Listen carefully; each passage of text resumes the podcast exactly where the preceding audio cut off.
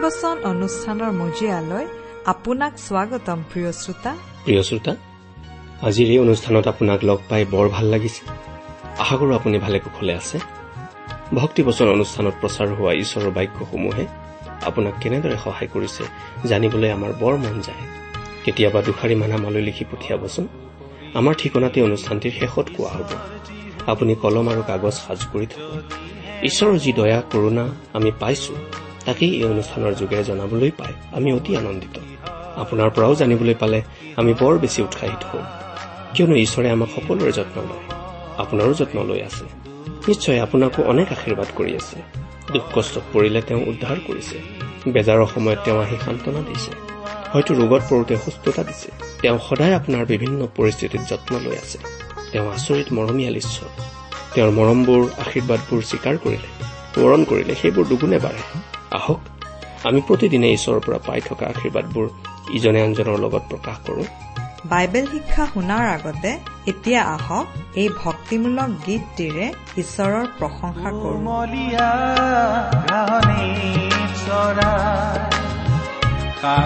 জলৰ কাষে মোক চলাই কোমলীয়া শান্ত জলৰ কাষে মোক চলাই। সুস্থ কৰে মোৰ প্ৰাণ পুনৰা ধৰ্ম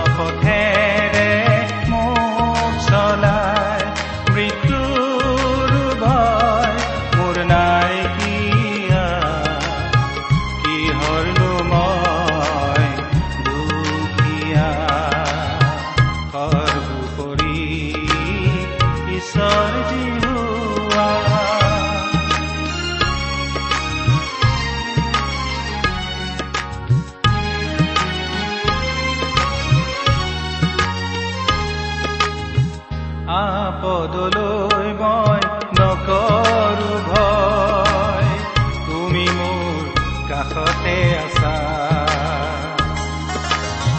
জীৱনৰ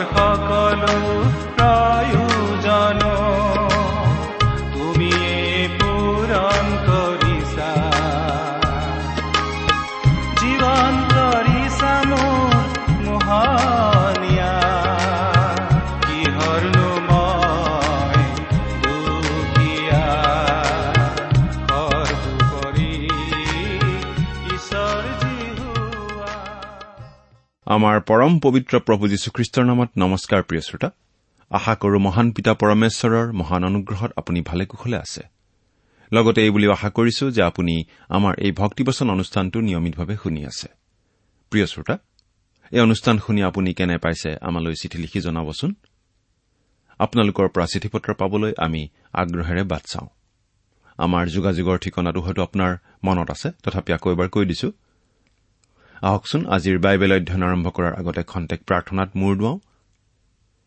স্বৰ্গত থকা অসীম দয়ালু পিতৃ ঈশ্বৰ তোমাৰ মহান নামৰ ধন্যবাদ কৰো। তুমি মহান তুমি কৰুণাময় তুমি অনুগ্ৰহৰ আকৰ। তোমাৰ অনুগ্ৰহতেই আজি আমি প্ৰভু যীশুত বিশ্বাস কৰি পৰিত্ৰাণ পাব পৰা হৈছো তোমাক পিতৃ বুলি মাতিব পৰা হৈছো। তুমি আমালৈ যিমান অনুগ্ৰহ দেখুৱাইছা তাৰ বাবে তোমাক ধন্যবাদ দি আমি শেষ কৰিব নোৱাৰো। এতিয়া প্ৰাৰ্থনা কৰিছো তোমাৰ মহান বাক্য বাইবেল শাস্ত্ৰৰ যোগেৰে তুমি আমাক কথা কোৱা তোমাৰ মাত আমাক শুনিবলৈ দিয়া।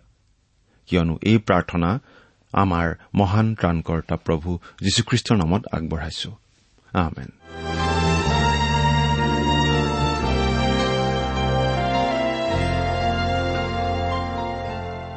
প্ৰিয় শ্ৰোতা আপুনি বাৰু আমাৰ আগৰ অনুষ্ঠানটো শুনিছিল নে আমি বাৰু কি অধ্যয়ন কৰিছিলো আপোনাৰ মনত আছেনে?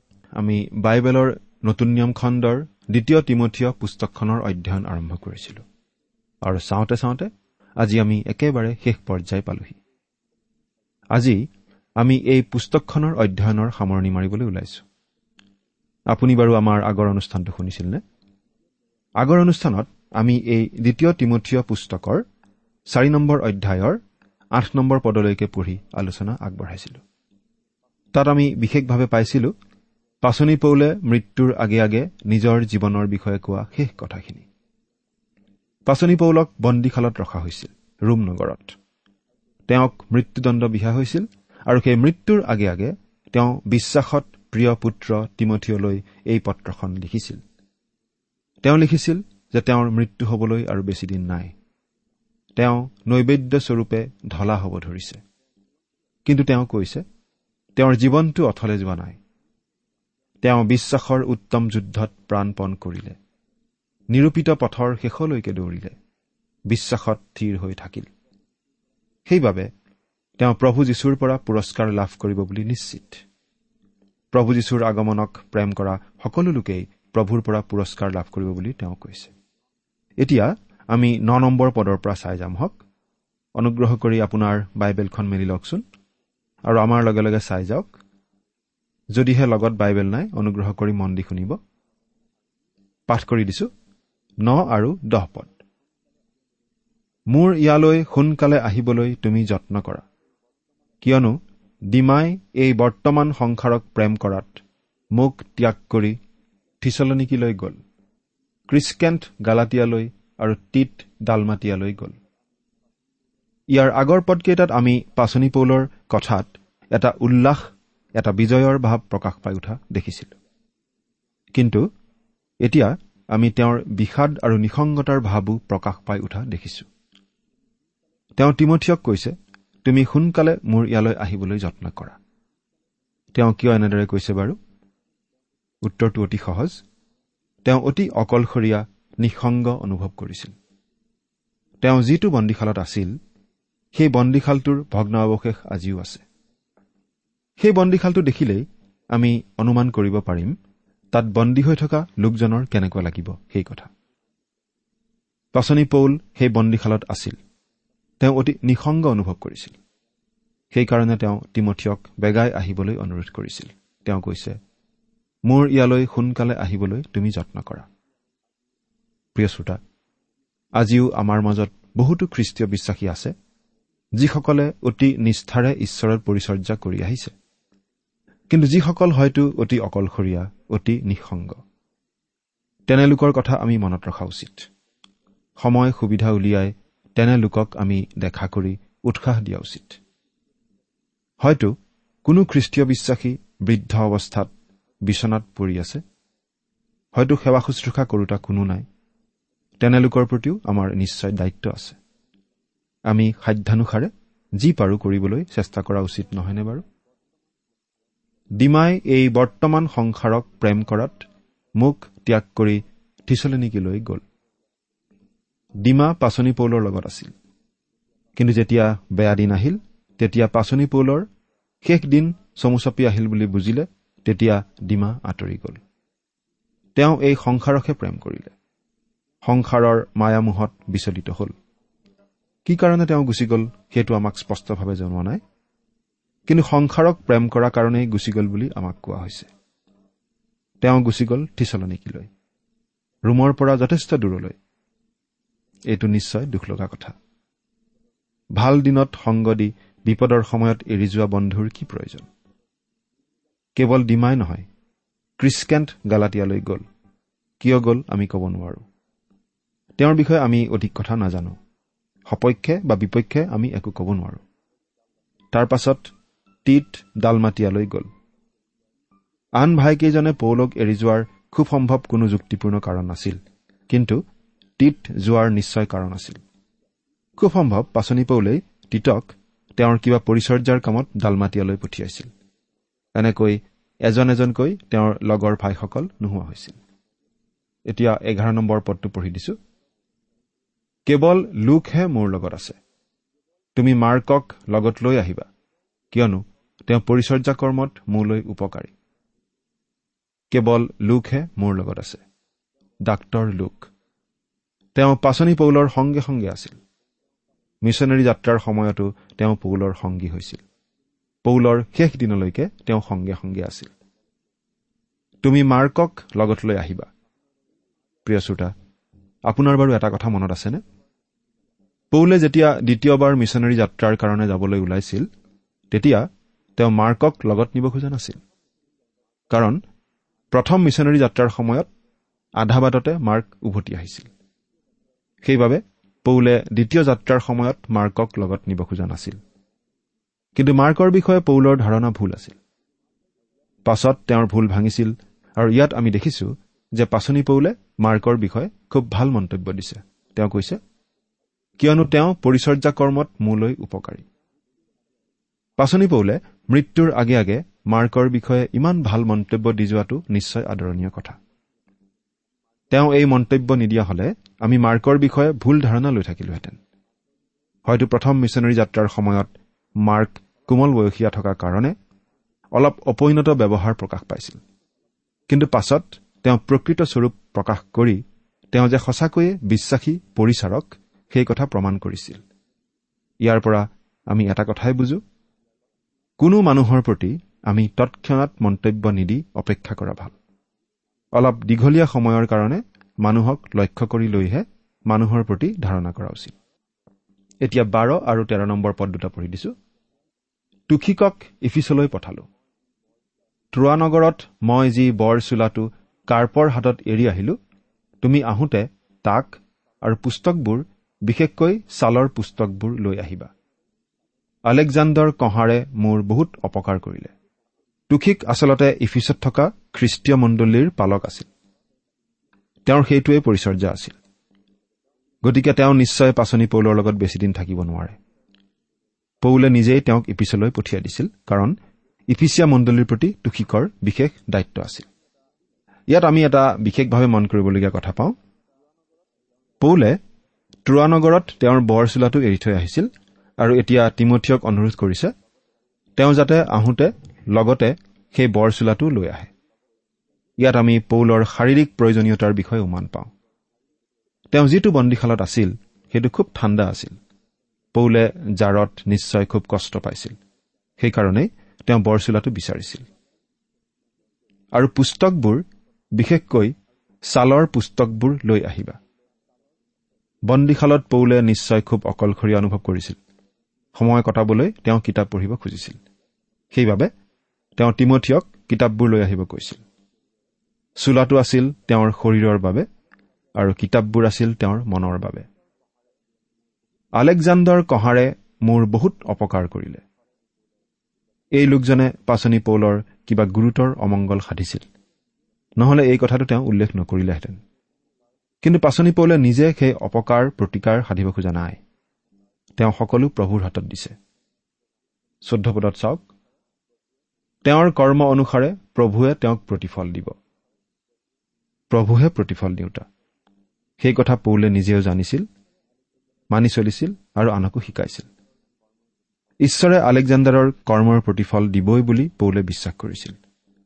এই কথাটো বাৰু পৌলে কিয় তিমঠিয়লৈ লিখিছিল? পোন্ধৰ পদত চাওক। তেওঁলৈ তুমিও সাৱধান হোৱা। কিয়নো তেওঁ অতিশয়ৰূপে আমাৰ বাক্যৰ প্ৰতিৰোধ কৰিছিল। আচলতে তিমঠিয়ক সাৱধান কৰি দিবলৈকে পৌলে এই কথাখিনি লিখিব লগা হৈছিল। আলেকজাণ্ডাৰৰ বদনাম কৰাটো তেওঁৰ উদ্দেশ্য নাছিল। কিন্তু আলেকজাণ্ডাৰৰ পৰা যেন তিমঠিয় সাৱধানে থাকে সেইবাবে তিমঠিয়ক সজাগ কৰি দিয়াৰ প্ৰয়োজন উপলব্ধি কৰাৰ বাবেহে তেওঁ এই কথাখিনি লিখিছিল। তেওঁ কৈছিল তিমঠিয় তুমি সেই মানুহজনৰ পৰা সাৱধান হবা। নহলে তেওঁ তোমাকো অপকাৰ কৰিব পাৰে।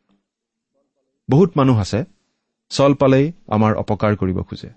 আমি হয়তো সকলোকে চিনি নাপাওঁ।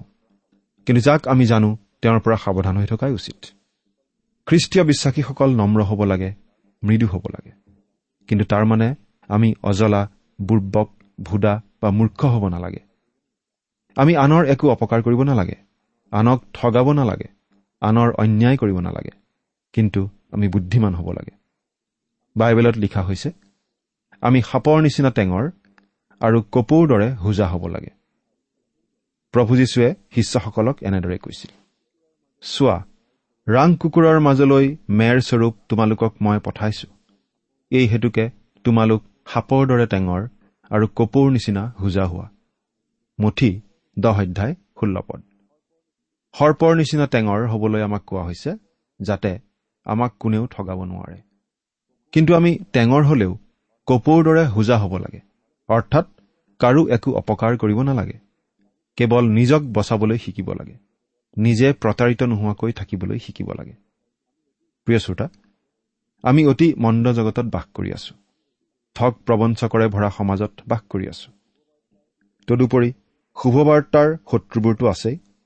গতিকে সৰ্পৰ দৰে টেঙৰ হোৱা উচিত। অৱশ্যে এইটো কথা ঠিক যে প্ৰভু যীশুৱে আমাক বিশেষভাৱে প্ৰতিৰক্ষা প্ৰদান কৰে। পাচনি পৌলে তিমঠিয়কো সাৱধান কৰি দিছিল। তেওঁ যাতে সেই আলেকজাণ্ডাৰ নামৰ কঁহাৰজনৰ পৰা সাৱধানে থাকে। সেই আলেকজাণ্ডাৰে কি কৰিছিল? পৌলে লিখিছে কিয়নো তেওঁ অতিশয়ৰূপে আমাৰ বাক্যৰ প্ৰতিৰোধ কৰিছিল। অৰ্থাৎ তেওঁ প্ৰকৃততে খ্ৰীষ্টৰ শুভবাৰ্তাৰ বিৰোধী আছিল। গতিকে তেওঁৰ পৰা সাৱধান হবলৈ তিমঠিয়ক সুকীয়াই দিছে। এতিয়া ষোল্ল নম্বৰ পদটো পঢ়িম। মই প্ৰথমবাৰ নিজৰ পক্ষে উত্তৰ দিয়া সময়ত কোনেও মোৰ ফলীয়া হৈ উপস্থিত নহল। সকলোৱে মোক ত্যাগ কৰিলে। এয়ে তেওঁবিলাকলৈ গণিত নহওক। মই প্ৰথমবাৰ নিজৰ পক্ষে উত্তৰ দিয়া সময়ত। ইয়াত পাচনি পৌলে কোনবাৰৰ কথা কৈছে আমি খাটাংকৈ ক'ব নোৱাৰো। তেওঁক আগতেও এবাৰ বন্দী কৰা হৈছিল প্ৰায় তিনি বছৰমান আগতে। সেই প্ৰথমবাৰৰ কথা তেওঁ কৈছে নে পাছৰবাৰ বন্দী হোৱা অৱস্থাত প্ৰথমে যেতিয়া বিচাৰৰ সন্মুখীন হৈছিল সেইবাৰৰ কথা কৈছে আমি খাটাংকৈ ক'ব নোৱাৰো। কিন্তু এটা কথা তেওঁ অতি দুখেৰে কৈছে কোনেও মোৰ ফলীয়া হৈ উপস্থিত নহল। অৰ্থাৎ তেওঁৰ পক্ষে ক'বলৈ কোনো আগবাঢ়ি নাহিল। তেওঁ অকলে বিচাৰকৰ সন্মুখীন হ'ব লগা হৈছিল। এই কথাটোৱে আমাক প্ৰভু যীশুৰ কথা মনত পেলাই দিয়ে। প্ৰভু যীশুক যেতিয়া শত্ৰুবোৰে বন্দী কৰি নিবলৈ আহিছিল তেতিয়া সকলোৱে তেওঁক এৰি গৈছিল। আনকি তেওঁৰ অতি মৰমৰ শিষ্য পিতৰেও তেওঁক চিনি নাপাওঁ বুলি তিনিবাৰ আখৈ মাতিছিল। সেইটো নিশ্চয় হৃদয় বিদাৰক কথা। তাৰ পাছত তেওঁৰ বিচাৰ হৈছিল আৰু মানুহবোৰে তেওঁক ক্ৰুচত দিয়ক ক্ৰুচত দিয়ক বুলিহে দাবী জনাইছিল। যি মানুহবোৰৰ মাজত তেওঁ সুদীৰ্ঘ তিনিবছৰ কাল ধৰি বিভিন্ন অলৌকিক কাৰ্য কৰিছিল বিভিন্ন ৰোগীক সুস্থ কৰিছিল আনকি মৃতকক জীৱন দান কৰিছিল সেই মানুহবোৰেই দাবী কৰিছিল তেওঁক ক্ৰুচত দিব লাগে বুলি। সেই সময়ত বাৰু প্ৰভু যীশুৰ কেনেকুৱা লাগিছিল? আমি ক'ব নোৱাৰো কিন্তু অনুমানহে কৰিব পাৰোঁ। আনকি তেওঁ ক্ৰুচবিদ্ধ হৈ থকা অৱস্থাটো মানুহে তেওঁক ঠাট্টা বিদ্ৰোপহে কৰিছিল। কিন্তু সেই সকলো মনোকষ্ট সকলো ক্লেশ সহন কৰিবলৈ প্ৰভু যীশু স্বইচ্ছাই আগবাঢ়ি গৈছিল। সেই সকলো তেওঁ কৰিব লগা হৈছিল মানৱ জাতিক মুক্তি দিবলৈ। মানৱৰ হৈ শাস্তি বহন কৰি মানৱৰ পাপৰ প্ৰায়চিত্ৰ কৰিবলৈ আৰু সেই কাম কৰিবলৈকে তেওঁ এই পৃথিৱীলৈ আহিছিল। প্ৰিয় শ্ৰোতা প্ৰভু যীশুৱে আমাক উদ্ধাৰ কৰিবলৈ যিমানবোৰ কষ্ট সহ্য কৰি গ'ল সেই কথা মনত পেলাই আমি তেওঁক ধন্যবাদ জনাই তেওঁৰ প্ৰতি কৃতজ্ঞতা জ্ঞাপন কৰি তেওঁকেই আমাৰ পৰিত্ৰাতা আৰু প্ৰভু বুলি গ্ৰহণ কৰা উচিত নহয়নে বাৰু? পাচনি পৌলৰ বিচাৰৰ সময়তো কোনো তেওঁৰ ফলীয়া হৈ উপস্থিত হোৱা নাছিল। কিন্তু ইয়াতে আমি পাচনি পৌলৰ মহানতাৰ এটা স্পষ্ট চিন দেখা পাওঁ। কাৰণ তেওঁ কৈছে সকলোৱে মোক ত্যাগ কৰিলে। এয়ে তেওঁবিলাকলৈ গণিত নহওক। অৰ্থাৎ কাৰো প্ৰতি তেওঁৰ কোনো ক্ষোভ নাই। তেওঁ ক্ষমা কৰি দিছে। কোনো তিক্ততাৰ ভাৱ নাই। এতিয়া সোতৰ নম্বৰ পদটো পঢ়িম। কিন্তু মোৰ দ্বাৰাই যেন ঘোষণা কাৰ্য সিদ্ধ হয় আৰু সকলো পৰজাতিয়ে যেন শুনিবলৈ পায় এইকাৰণে প্ৰভুৱে মোৰ ওচৰত থিয় হৈ মোক বলৱান কৰিলে। তাতে মই সিংহৰ মুখৰ পৰা উদ্ধাৰ পালো। কিন্তু মোৰ দ্বাৰাই যেন ঘোষণা কাৰ্য সিদ্ধ হয় আৰু সকলো পৰজাতিয়ে যেন শুনিবলৈ পায়। এইকাৰণে প্ৰভুৱে মোৰ ওচৰত থিয় হৈ মোক বলৱান কৰিলে। খ্ৰীষ্টীয় বিশ্বাসী লোক আচলতে কেতিয়াও অকলশৰীয়া নহয়। সকলোৱে ত্যাগ কৰিলেও প্ৰভু যীশুৱে কেতিয়াও ত্যাগ নকৰে। প্ৰভু যীশুৱে শিষ্যসকলক কৈছিল চোৱা জগতৰ শেষলৈকে মই সদায় তোমালোকৰ সংগে সংগে আছো। মুঠি আঠাইছ অধ্যায় বিছ পদ। ঈশ্বৰ ভক্ত ডায়ুদে দৃঢ়তাৰে ক'ব পাৰিছিল এনেকি মই মৃত্যুচ্ছায়াৰ উপত্যকাইদি চলিলেও মই কোনো আপদলৈ ভয় নকৰো কিয়নো তুমি মোৰ সংগত আছা গীতমালা তেইছ নম্বৰ চাৰি পদ। প্ৰিয় শ্ৰোতা পাচনি পৌলৰো একেই অভিজ্ঞতা হৈছিল। প্ৰভু যীশু তেওঁৰ লগত আছিল। প্ৰভু যীশুৱে তেওঁক বলৱান কৰিছিল। প্ৰভু যীশুৱে তেওঁক বলৱান কৰিছিল যাতে তেওঁৰ যোগেদি শুভবাৰ্তা ঘোষণা হয়। পৰজাতি অৰ্থাৎ অনা যিহুদী লোকসকলৰ আগত শুভবাৰ্তা ঘোষণা কৰিবৰ কাৰণেই পৌলক বিশেষভাৱে নিযুক্ত কৰিছিল প্ৰভু যীশুৱে। সেয়েহে আনকি বন্দীশালত থকা অৱস্থাটো পৌলক প্ৰভু যীশুৱে শক্তি সাহস যোগাইছিল তেওঁৰ বাক্য ঘোষণা কৰি থাকিবলৈ। আনকি সেই বন্দিত্বৰ মাজেৰেও খ্ৰীষ্টৰ শুভবাৰ্তা বিয়পিহে গৈছিল। পাচনি পৌলে ফিলিপিয়া খ্ৰীষ্টীয় বিশ্বাসীসকললৈ লিখা কথাখিনি আপোনাৰ নিশ্চয় মনত আছে? তথাপি আকৌ এবাৰ পঢ়ি দিব খুজিছো। ফিলিপিয়া এক নম্বৰ অধ্যায়ৰ বাৰৰ পৰা চৈধ্য নম্বৰ পদলৈকে আমি এনেদৰে পঢ়িবলৈ পাওঁ। পাঠ কৰি দিছো। হে ভাইবিলাক তোমালোকে এই কথা জানিবলৈ মই ইচ্ছা কৰো যে মোলৈ যি যি ঘটিল শুভবাৰ্তাৰ বাধা হওক চাৰি তাৰ বৃদ্ধিৰ অৰ্থেহে সেই সকলো ঘটিল। তাতে মোৰ বন্ধন গোটেই প্ৰিটৰিয়মত আৰু আন সকলোবিলাকৰ আগত খ্ৰীষ্টত প্ৰকাশিত হ'ল আৰু ভাইবিলাকৰ অধিক ভাগে মোৰ বন্ধন দেখি প্ৰভূত দৃঢ় বিশ্বাস ৰাখি ঈশ্বৰৰ বাক্য নিৰ্ভয়ৰূপে কবলৈ অধিক সাহ কৰিছে। এয়া ফিলিপিয়া এক নম্বৰ অধ্যায়ৰ বাৰৰ পৰা চৈধ্য নম্বৰ পদলৈকে পাঠ কৰি দিলো। তাতে মই সিংহৰ মুখৰ পৰা উদ্ধাৰ পালো। প্ৰভু যীশুৱে পাচনি পৌলক এনেকুৱা নিশ্চিত বিপদৰ পৰা ৰক্ষা কৰি আছিল। আনকি সিংহৰ মুখৰ পৰাও তেওঁক উদ্ধাৰ কৰিছিল বুলি পাচনি পৌলে ইয়াত লিখিছে। সেই প্ৰথমবাৰ তেওঁ নিশ্চয় মৃত্যুদণ্ডৰ পৰা হাত সাৰিছিল। পৌলৰ শাৰীৰিক প্ৰয়োজন পূৰণ কৰিবলৈ তেওঁৰ বৰ চোলাটো আনিবলৈ আৰু মানসিক প্ৰয়োজন পূৰণ কৰিবলৈ কিতাপবোৰ আনিবলৈ তেওঁ তিমঠিয়ক অনুৰোধ কৰিছিল আৰু তেওঁৰ আম্মিক প্ৰয়োজন পূৰণ কৰিবলৈ তেওঁ প্ৰভু যীশুৰ ওচৰতেই ভৰসা কৰিছিল। তেওঁৰ সকলো আম্মিক প্ৰয়োজন পূৰণ কৰি আছিল প্ৰভু যীশুৱে নিজে। এতিয়া ওঠৰ নম্বৰ পদটো পাঠ কৰি দিম। প্ৰভুৱে মোক সকলো দুষ্কৰ্মৰ পৰা উদ্ধাৰ কৰি তেওঁৰ স্বৰ্গৰাজ্যৰ অৰ্থে ৰক্ষা কৰিব। তেওঁৰ মহিমা সদা সৰ্বদাই হওক। আমেন। এৰা পাচনি পৌলে নিশ্চিতভাৱে জানিছিল যে প্ৰভু যীশুৱে তেওঁক সকলোবিলাক দুষ্কৰ্মৰ পৰা উদ্ধাৰ কৰিব। আৰু প্ৰভু যীশুৱেই তেওঁক স্বৰ্গৰাজ্যৰ অৰ্থে ৰক্ষা কৰিব। প্ৰিয় শ্ৰোতা আচলতে প্ৰতিজন খ্ৰীষ্টীয় বিশ্বাসীয়েই এই কথা নিশ্চিতভাৱে জানিব পাৰে। প্ৰভু যীশুৱে কোৱা বাক্যৰ ওপৰত ভৰসা কৰি। প্ৰভু যীশুক ত্ৰাণকৰ্তা বুলি গ্ৰহণ কৰা প্ৰতিজন লোকেই পৰিত্ৰাণ লাভ কৰে। এইবুলি বাইবেলত লিখা হৈছে। এই পৰিত্ৰাণৰ নিশ্চয়তা খ্ৰীষ্টীয় বিশ্বাসীজনে এই জীৱনতেই এতিয়াই লাভ কৰিব পাৰে। আপুনি বাৰু প্ৰভু যীশুত বিশ্বাস স্থাপন কৰি পৰিত্ৰাণৰ নিশ্চয়তা লাভ কৰিছেনে? এতিয়া ঊনৈশ নম্বৰ পদৰ পৰা একেবাৰে বাইশ নম্বৰ পদলৈকে পাঠ কৰি দিম।